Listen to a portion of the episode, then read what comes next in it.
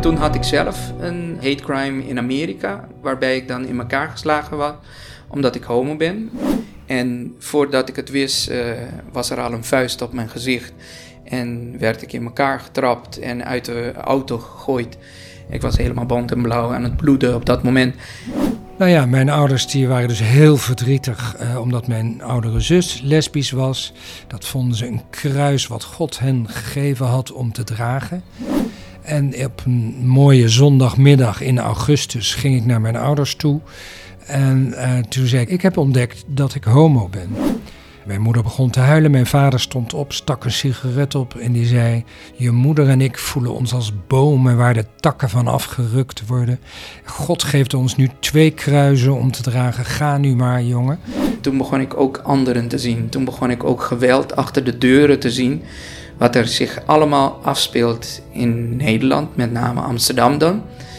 Dat ik zei van jeetje, voor hun nagedachtenis dacht ik van ik wil echt iets bereiken. En dat is onder andere dat het huwelijk wordt opengesteld. Maar ik ben wel met de dood bedreigd vanwege mijn uh, homoseksualiteit en het werk wat ik in de Tweede Kamer deed. En ik begrijp dat het voor jonge mensen dat het, dat het minder is. Er kan nog steeds een hele hoop, maar in de openbare ruimte is dat uh, wel beperkt tot bepaalde plekken. Het is nu vijf voor twaalf en volgens mij al vijf over twaalf. Uh, al loop je in je blootje over straat. Niemand heeft het recht je na te jou uh, je een onveilig gevoel te geven. En het is gewoon je recht om te kunnen zijn wie je bent. In de nieuwe aflevering van het Amsterdamse Audiokartel neem ik je mee langs de lange weg van LHBTIQ emancipatie. Een thema dat me ook persoonlijk raakt. Eeuwenlang was homoseksualiteit strafbaar en werden en worden nog steeds mensen om hun geaardheid of andere seksualiteit gedood, gediscrimineerd en vervolgd. Vanaf de Tweede Wereldoorlog werd er langzaam aan de weg getimmerd. Een bruisende en kleurrijke gemeenschap ontstond.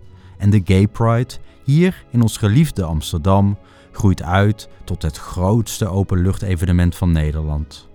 En op politiek niveau wordt er gestreden om het homohuwelijk, of beter, het huwelijk voor allen, door de Kamer te krijgen. In 2001 was het zover en werd Nederland het allereerste land ter wereld waar trouwen voor mensen van het gelijke geslacht mogelijk was. Het eerste huwelijk werd voltrokken in de Stopera. Voor deze aflevering sprak ik met Fanny Rijers, Irene Hemelaar en Boris Dietrich. Fanny is voorzitter van COC Amsterdam. Irene organiseert al sinds 2012 de Amsterdamse Pride. Boris speelde een zeer belangrijke rol bij de invoering van het homohuwelijk. Vanuit je luie stoel of op de fiets laat ik je via hun verhalen en via diverse locaties op een andere manier kennismaken met de stad. Op iedere locatie kom je meer te weten over de regenbooggemeenschap, de strijd voor gelijke rechten en de leidende rol die Amsterdam in de emancipatie speelde.